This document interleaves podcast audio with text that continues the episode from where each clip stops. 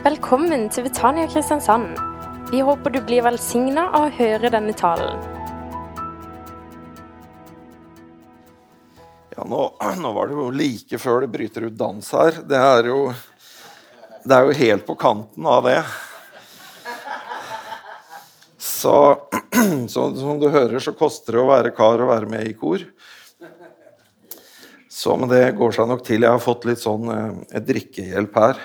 Altså vann til, til, til, predikanten. Man kan jo lure på om det er mest til predikanten, eller om det egentlig er mest for de som skal høre på at det ikke blir for tørt, selvfølgelig. Um, og og det som, det som, jeg skal snakke om i dag, det er en kar som heter Johannes Markus. Det er den eh, latinskprega oversettelsen av det jødiske navnet til denne karen som du finner i Bibelen. Men egentlig er det ikke det som er overskriften heller. Det er egentlig Johannes Markus, eller eh, Veien videre.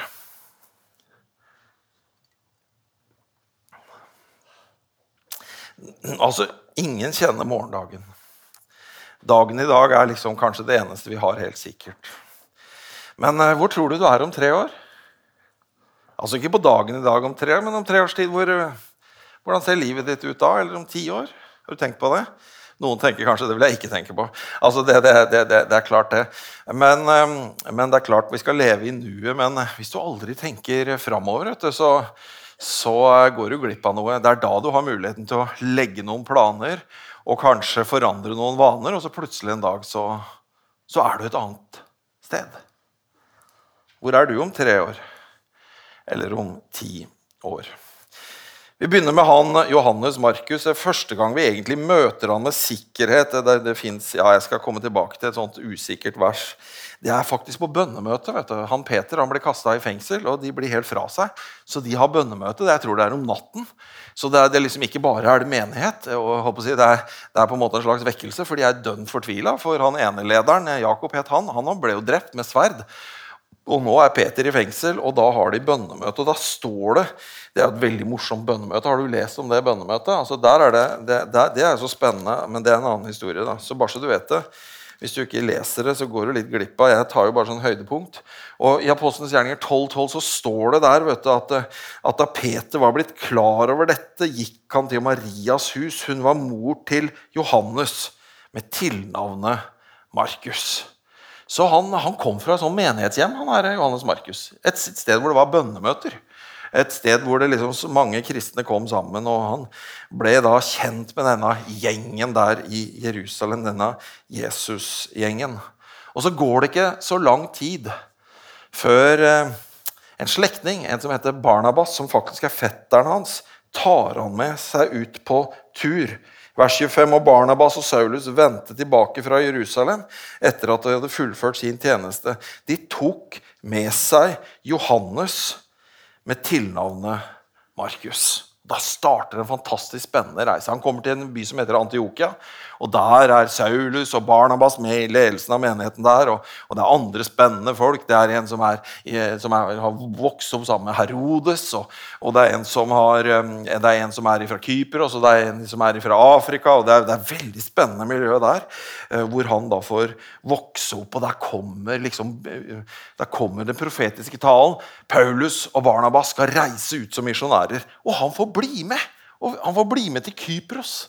Altså, det er jo grunn god nok til å bli misjonær, at noen får reise til Kypros. tenker jeg. Altså, Det høres ut som en sydentur for oss. Men når du er fra Kypros, hvor drar du hen da? Hvis du skal til Syden?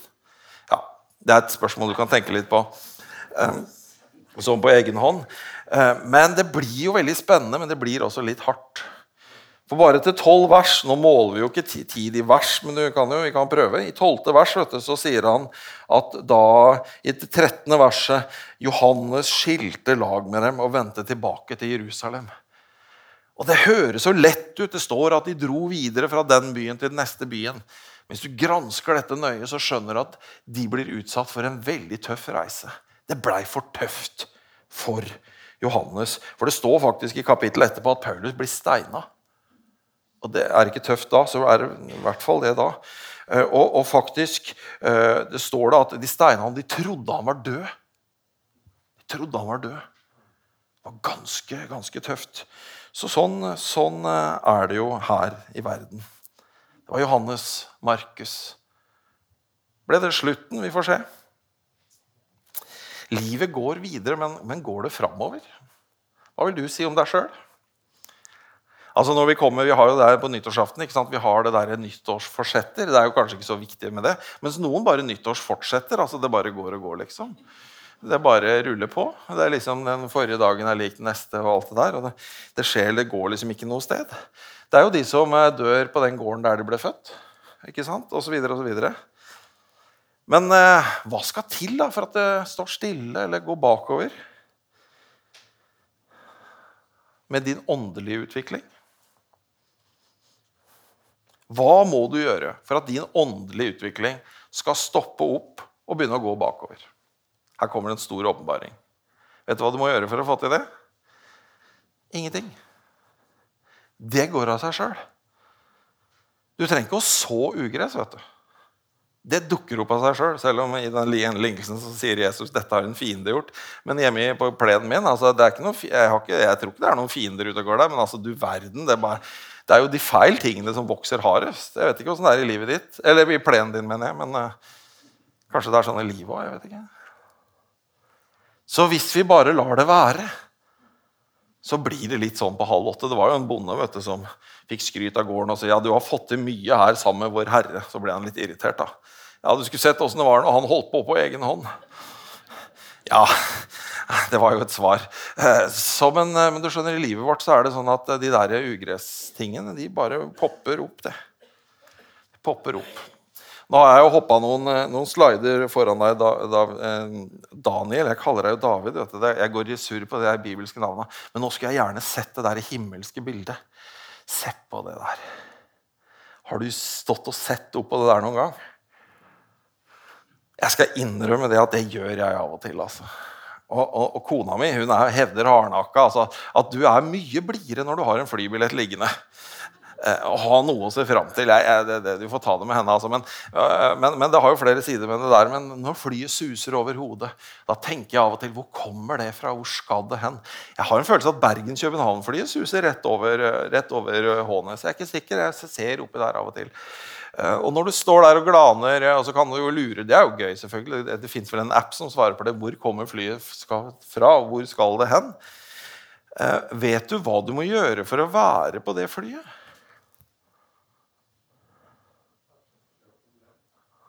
Det er så enkelt som det Tore sa der. Du må kjøpe billett. Så lett og så vanskelig. Da må du jo planlegge litt ikke sant? og ordne med det på forhånd. og Det kommer en tid da fristen er gått ut. Er det en time? En halvtime? Jeg vet ikke. Da fins ikke noen mulighet. Det er utrolig hva som går hvis du står der ved gaten, men, eh, men det fins en grense for alt. Men skal du opp i det flyet der, så må du kjøpe billetten. Det var en undersøkelse som ble gjort, og dette er jo i USA, da, så jeg tenker litt på det, kanskje det ikke gjelder i Norge. Men, eh, men eh, jeg tror faktisk det godt kan være at det gjelder her i dag. De undersøkte liksom hva slags folk er det i en kirke. Og De fant fire typer, en kategori på fire typer. Den første var utforskere. Håper det er noen utforskere her i dag som tenker hva er dette kristne greiene? Kanskje ikke er helt sikker på hva man tror. Man tror litt i smug eller der omkring. Og, og, det er kjempefint at du er her og forsker litt ut hva, hva skjer her. Det ønsker vi hjertelig velkommen. Og så er det noen som er nyfrelste, som liksom ganske nylig har, har opplevd det der å få liksom korset i hjertet. Du skjønner, alle minusene våre. Det der som ikke Alt ugresset. Så kommer Jesus og stryker loddrettstreken. Så blir det fra minus til pluss, og så skjer det noe i livet. Den tredje typen er de som er, voksne. Og dette det syns jeg alltid har vært sånn growing. Voksne. Altså, vokser og vokser. Altså, jeg har jo kommet til det punktet at jeg bør slutte å vokse, altså, hvis, du, hvis, du, skjønner hva jeg mener. Eh, eh, altså, det, det, det, kommer ikke noe godt ut av det for min del. Nå skjønte du vel hva jeg snakka om. Men eh, nå snakker vi jo åndelig, selvfølgelig. Ja, det er jo mulighet for å vokse. Og den fjerde kategorien det er de Kristus-sentrerte. Så sier han som presenterte denne undersøkelsen for, undersøkelsen for, oss, at det er den siste kategorien som gir så det monner i kollekten. De bidrar med tid og penger og bønner. Og de står på, de stiller opp på dugnad, og de forsvarer visjonen. Sier vi vil ha Jesus til folket. Det er jo kjempebra hvis noen begynner å snakke om det. Det er bare med den fjerde kategorien at du kan forandre byen. Og bety en forskjell i verden. Og tenne lys på mørke steder. Forskjellen fins i dette bibelverset. Dette bibelverset der i apostelens gjerninger 2024, når Paulus snakker med mange ledere i Efesus. For meg selv akter jeg ikke livet mitt et ord verd når jeg bare kan fullende mitt løp og den tjeneste som jeg fikk av Herren Jesus, og vitne om Guds nådes evangelium. Det er litt som å hoppe i fallskjerm. Altså, nå har jeg aldri hoppa i fallskjerm, men jeg har hoppa fra tieren. Og for å si det, Jeg husker siste gang veldig godt, for da kom jeg litt frampå. og jeg kjenner det enda. Nei, men altså, Den, den satt, i, i, i, haka, gitt. For da kom jeg sånn, det, det, det gikk bra, men det ble, det ble mageplask med, med, med, med dobbelthaka. Så den, den, den, kjenner jeg. Og du vet, Det er ikke noe sånn prosess lenger da når du skal hoppe fra tieren. Det er ikke noe sånn skal vi ta en samtale. Du kan jo fire deg ned i tau og late som du ligner på Mr. Bean, liksom, som er ute på kanten der og prøver å Men det, det er bare å, å, å, ta skrittet eller la være. Du kan gå ned trappa, selvfølgelig, men det kommer til et punkt hvor det, hvor det bare er å skritte ut.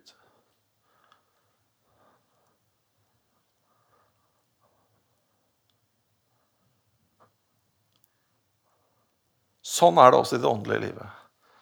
Noen ganger står du bom fast til du tar skrittet.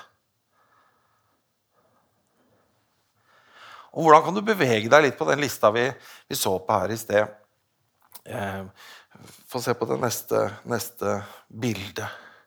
Jo, utforskere, nyfrelste, voksne, Kristussentrerte. Det fins fire måter å ta, ta, et skritt, noe du kan gjøre for liksom å bringe deg videre.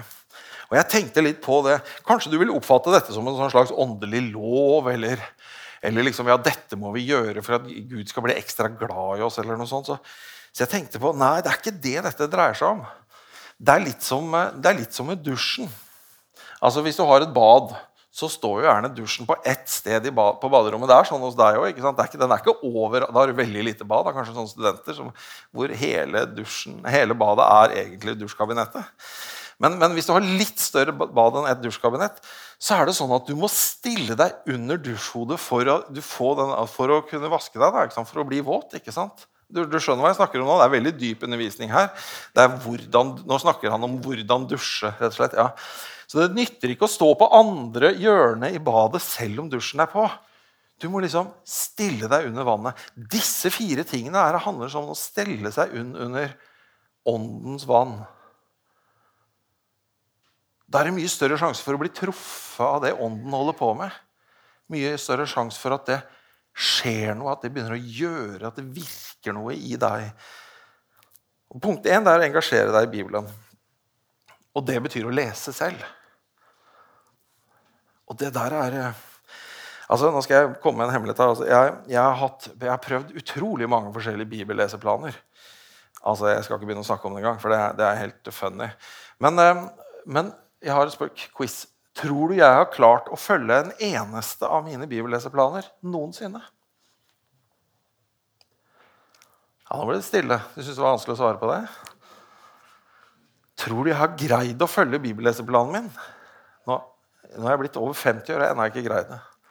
Men jeg har oppdaga at når jeg ikke har en plan, da leser jeg mindre enn når jeg har en plan jeg ikke greier å følge. Så poenget er ikke, det, det er ikke så viktig med hva slags plan du har. Men poenget er at du, uten en plan så skjer det jo ingenting. Og så fins det jo det er sånn tekno. Du kan få dagens bibelord på eh, SMS fra Trøndelag. Nei, men du kan, få, du kan ha Bibelen på podkast, eller du kan Ja, det er jo han bergenseren som vi hadde her og preka her. Han har jo lest inn hele Bibelen på podkast. Du kan høre på han. Eller du kan bruke digitale ting, eller du kan Lese det på svensk hvis det inspirerer deg veldig. Eller hva vet jeg, engelsk kanskje er enda gøyere. Ikke sant? Du bare gjør noe. Du bare gjør noe. Du bare finner en plan, setter i gang og, og, og skjønner. du skjønner. Noen tror at siden jeg er pastor, er at min jobb er å mate deg åndelig. Men det er, ikke, det er jo litt det er jo noe i det. Jeg håper du noe, får noe åndelig fôr ut av det jeg deler med deg. Men hvordan er det da? Dør du hvis du er hjemme alene foran brødboksen? Eller klarer du å fikse mat til deg sjøl? Det er jo en type modenhet. Det. Hvor gammel må du være for å klare å ikke omkomme av sult hjemme i ditt eget hus? Det er vel et sted mellom sju og, eller fem og ti år et sted hvor den grensa er. Tre, kanskje. Jeg er ikke sikker. Skjønner du hva jeg mener? Vi må kunne klare å gi oss selv mat. Selv om eh, jeg skal prøve, love å prøve å, å bidra med det jeg har å komme på. Men det handler om å komme videre fra det bare å bli mata. For du skjønner, hvis du klarer å mate deg selv, da har du også overskudd å gi til de som eh, kanskje spør deg om et eller annet. Eller som du jobber sammen med. Og som før eller siden blir nysgjerrig på hva det er det der eh, trosgreia er. Da kan det bli noe som, som eh, går rundt. Og Bibelen er litt tøff med oss. i Breverne 5 sier dere burde vært lærere allerede. Um, men dere er blitt sånne som trenger til melk og ikke fast, fast føde. Det er meninga at vi skal kunne ha mulighet for å skaffe oss fast føde. En, engasjer deg i Bibelen. Les, lag deg en plan.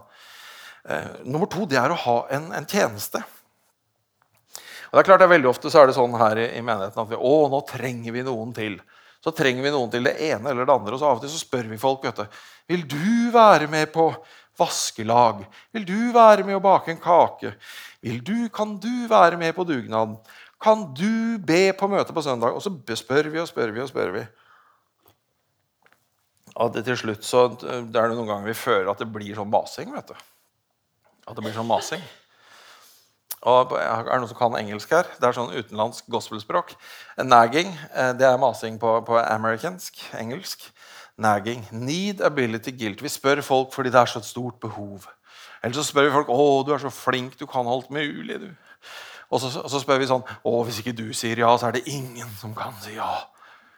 Og det blir jo mas av det. Og vi har sikkert, jeg har sikkert vært med på sånn masing. Jeg prøver å vende meg om fra masing eh, og bare driver med spørring. Men du veit åssen det er. Vi er, vi er mennesker, vet så det blir litt masing av og til. Men du skjønner, det er ikke det det dreier seg om. Det dreier seg om at vi strever Guds menighet Det var jo den salmen til han Ronald Fangen. vet du. Strev da Guds menighet etter å finne plass til hver troende sjel. Vi ønsker at alle skal kunne få lov til å bidra med noe. Hvis du bare skal sitte og få, så er det faktisk veldig kjedelig. Men hvis du får være med å bidra, så skjer det noe med deg. Det er veldig viktig å være med å bidra. Og så er det jo klart, Jeg har ennå ikke møtt noen som har nådegaven til å vaske doer. Men noen gjør det Sånn at jeg, jeg, jeg, liksom, vi kan komme inn der uten å skamme oss liksom, for at det var doen på Betania. Ja, noen ganger så gjør vi ting bare for at alle må bidra. Men så det er jo bare litt ved siden av. Vi ønsker å finne din gave. Det du kan. For jeg har opplevd, jeg har funnet litt ut om hva som er min gave. Og det var Noen som spurte meg en gang skal du reise rundt og preke du nå da.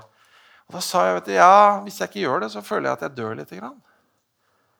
Så da kan jeg godt kjøre noen mil og reise hit og sove der og holde på. Fordi det er noe som gir meg noe. Håper du ber til Jesus at noen andre også skal synes det er greit.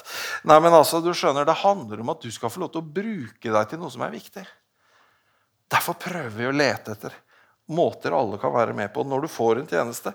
Har en tjeneste, bidrar i dugnad, enten det er å vaske doer eller å gjøre noe som er liksom nærmere din nådegave, så løfter det deg.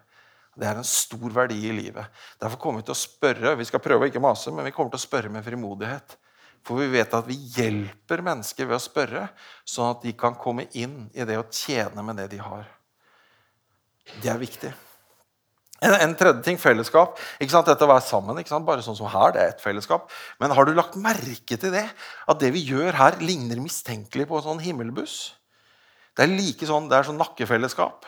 Du ser nakkene foran deg, og de der på plattformen. Det er som en bussen.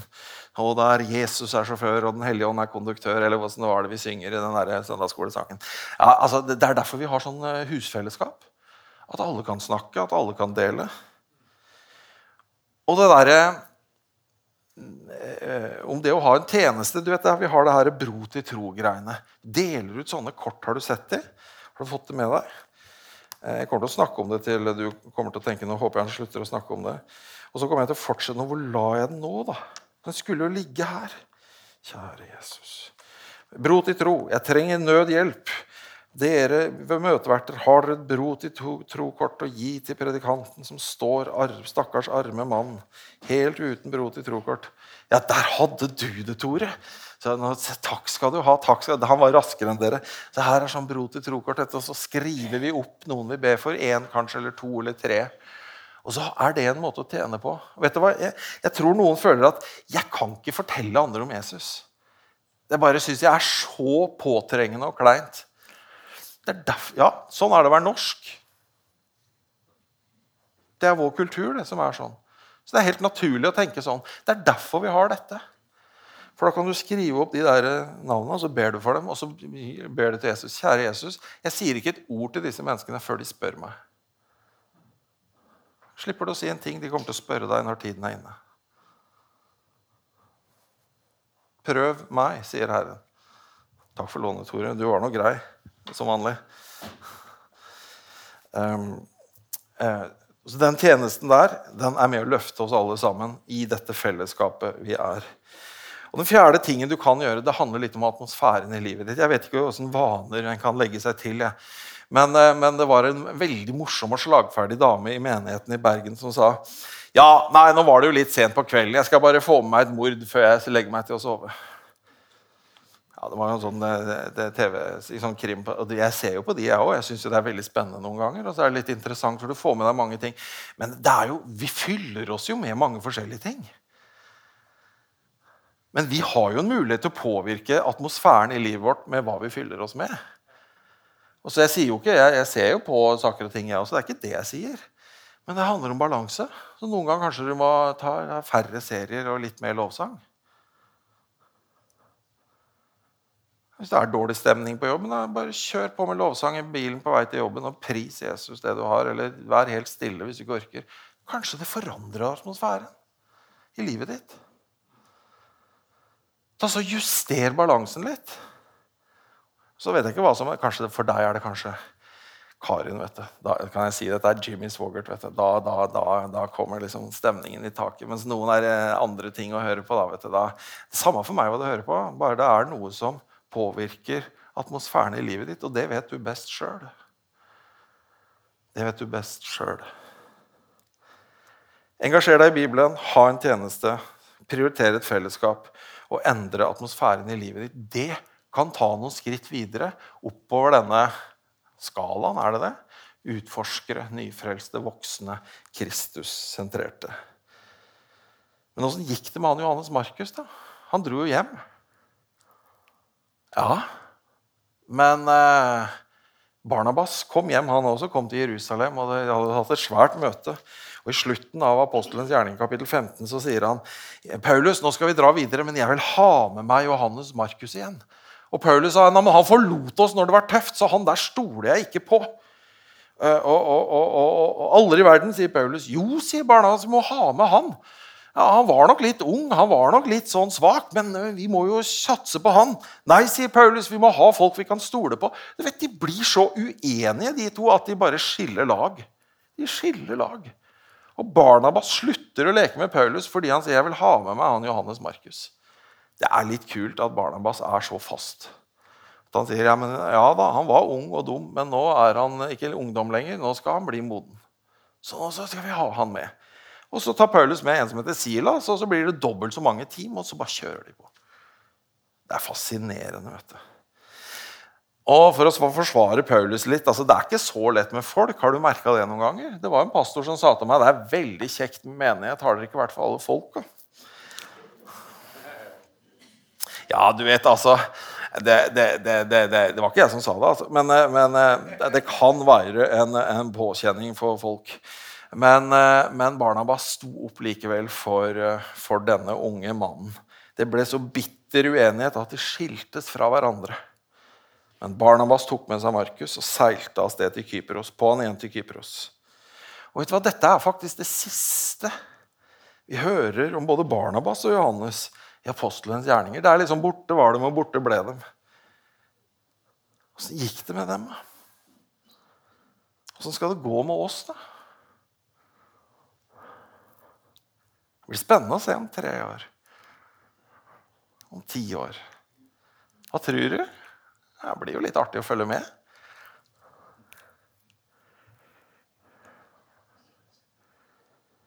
Vi er jo underveis, og noen ganger så stopper det opp fordi vi ikke har kjøpt den der billetten vet du, til å ta det flyet.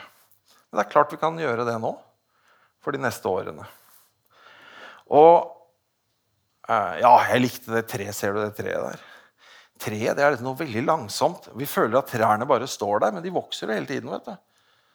Og så, så går det veldig sakte, og sånn, og så kan de holde på i 100 år. Og noen trær er jo så gamle som de sier at det er trær nede i Israel som var der når, var nye skudd når Jesus gikk der. At de er 2000 år gamle oljetrær. Det er jo helt fantastisk. Og de driver og skyter friske skudd. Jeg hørte om eukalyptustrær i Australia. var det 120 meter høye, sa de at på, der, på den boka at de kunne bli. Enorme greier. Så hva slags friske skudd kan komme i livene våre? Arvid Pettersen han har jo vært her og sunget mange ganger. Har en intens sang som han har lagd ved livets slutt. Har du hørt den? Hvis ikke så går du hjem etterpå. så Arvid Pettersen ved livets slutt. Og Der har han en sånn gjentagende ting. La meg slippe å si ved livets slutt at jeg skulle ha fulgt etter ham. La meg slippe å si ved livets slutt at jeg skulle ha trodd ditt ord. La meg slippe å si at jeg skulle ha satt min lit til hans ord. At jeg skulle søkt ham først. La meg slippe å si ved livets slutt at jeg skulle ha tatt imot hans kall og ikke sløst bort tida. Og la meg slippe å si ved livets slutt at jeg levde for meg selv.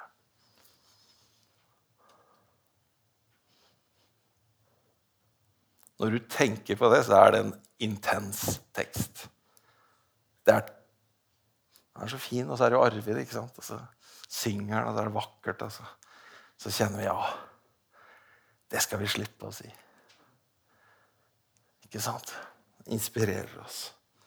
Hva vil du at skal stå igjen etter deg ved livets slutt? Hvilket ettermæle og hvilke verdier?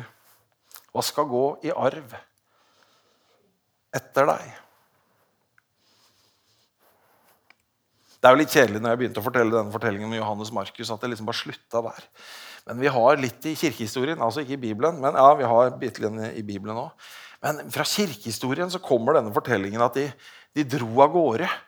Og Barnabas kom til Milano. Du. Til Milano, Det er jo i Nord-Italia. Tenk på det. Og der ble han biskop, sies det i kildene. Altså pastor, da, eller hva man skal kalle det. Se på det, du. Og så står det noe fantastisk vakkert. For vi vet jo det at Paulus ble så irritert på, på, på Johannes Markus at han slutta å leke med Barnabas. Men så ser vi i 2. Timotius brev, kapittel 4, vers 11. Så står det han har sånn hilsen. 'Bare Lukas er hos meg', sier han. Få tak i Markus. De har blitt venner igjen. Paulus og Markus har blitt venner igjen. Få tak i Markus og ta han med deg, for han er til nytte for meg i tjenesten. Du, Det er fantastisk å høre. Han var så irritert på han, jeg kunne ikke ha han der i det hele tatt. Altså, skal han være her, så drar jeg, liksom. Det er jo litt kraftig kost. Men nå han er til nytte for meg i menigheten. Jeg er glad for Markus eh, sin skyld at det bibelverset står der. Det er liksom full oppreisning. Han er til nytte for meg. Og det er en kar som heter Papias. Han levde fra 70 til 140 etter Kristus. Han skriver at det er, det er Markus som kommer til Roma og blir tolken til Peter. Peter lærer seg aldri godt latin. Så kommer han der og forteller historien. Han forteller om syv ganger 70 han forteller om å gå på vannet og synke. Han forteller om den store fiskefangsten. Han forteller alle disse fortellingene. Og i menigheten sier de 'Fortell mer, Peter! Fortell mer!' Og så dør han. Han blir korsfesta opp ned. han. Og da sier de til tolken du tolka, det, Kanskje han var sånn tolk som Halvard Hasseløy? At du fikk på en måte to taler. Du fikk både den på engelsk og så fikk du en ekstra på norsk. på en måte. Kanskje han var en sånn tolk som var så full av inspirasjon så de sa til han, du husker jo alle fortellingene til Peter, skriv dem ned! Det er fortellingen fra den gamle kirke om hvordan Markusevangeliet ble til. Fra Papias og en til på slutten av hundretallet. Um, så fortelles dette. Det er klart, Vi har ikke sånn bank-ID, så det er noen forskere som er uenige. da. Så vi, vi vet det ikke. Vi har ikke sånn DNA-test og bank-ID på, på sin, så Det er ikke sånn elektronisk levert. Det er ikke det. Men tenk på det. Tenk for en oppreising. Markus var han som var feig og rømte den gangen der på, på Kypros. Markus var den som eh, var så, Peter, nei, Paulus var så skuffa han sa jeg vil aldri snakke med han mer. Men nå taler han i Bibelen. Gjennom 2000 år snart. Til, på hvor mange språk er det oversatt til? Han taler og taler og taler. Fantast, det er, det er jo ekstrem frukt.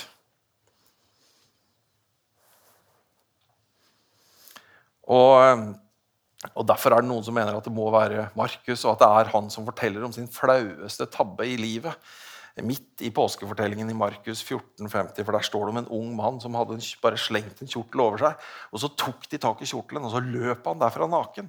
Kan du tenke deg for en flause? Men det fortalte han åpent om.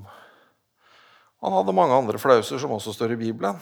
Men du skjønner, sånn er det med oss også. Hvor du kommer fra, og hvilke flauser du har gjort. Det er ikke så viktig. Det som er viktig, det er hva som kommer nå. Hva kommer nå? Tre år? Ti år? Hvordan ser det ut fremover? Amen. Vi skal be en bønn nå.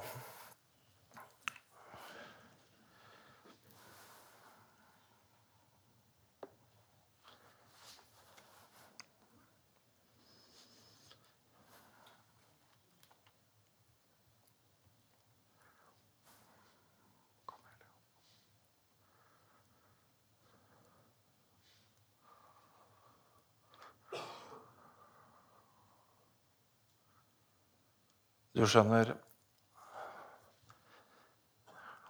Jeg har mange forbedre når jeg taler her i menigheten. Ikke alle av dem er her engang. Og du skjønner, det gjør at jeg vet at jo da, det er jeg som taler.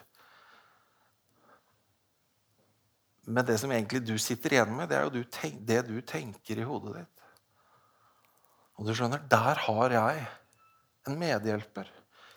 Eller rettere sagt, jeg drømmer om å være hans medhjelper. Bibelen kaller han talsmannen. Den hellige ånd. Og Noen ganger så sitter det han, er det han som gir deg tanker og taler til ditt indre og rører ved ting. Og Noen ganger er det det behageligste som fins, og noen ganger er det litt utfordrende. Jeg bare kjenner at det skjer her i dag. Så jeg vil be for deg at du skal høre på Åndens stemme.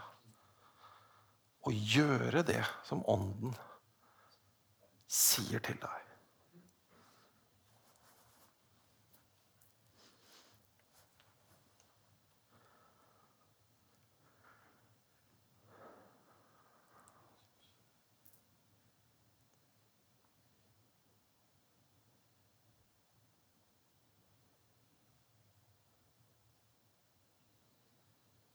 Jeg takker deg, Herre Jesus Kristus, for at du er nær hos alle dem som påkaller ditt navn. Du bor i det høye og det hellige, men du bor også i det nedbøyde hjertet. Du er i ditt ord, du levendegjør det ved din ånd. Og du tar av, ditt, du tar av ordet av Guds ord og, og gir det til oss. Jeg takker deg for at du har sendt oss talsmannen som er her, og som banker på vår hjertedør, og som ønsker å tale til oss. Nå ber jeg om at det du har talt i noens, i våre hjerter i dag, at det skal bli virkelighet. At det skal bli en forandring der vi kalles til forandring. En omvendelse der det kalles til omvendelse. En fornyelse der du vil blåse liv inn i tørre grener. Du vil fordype jordsmonnet der det måtte være stengrudd.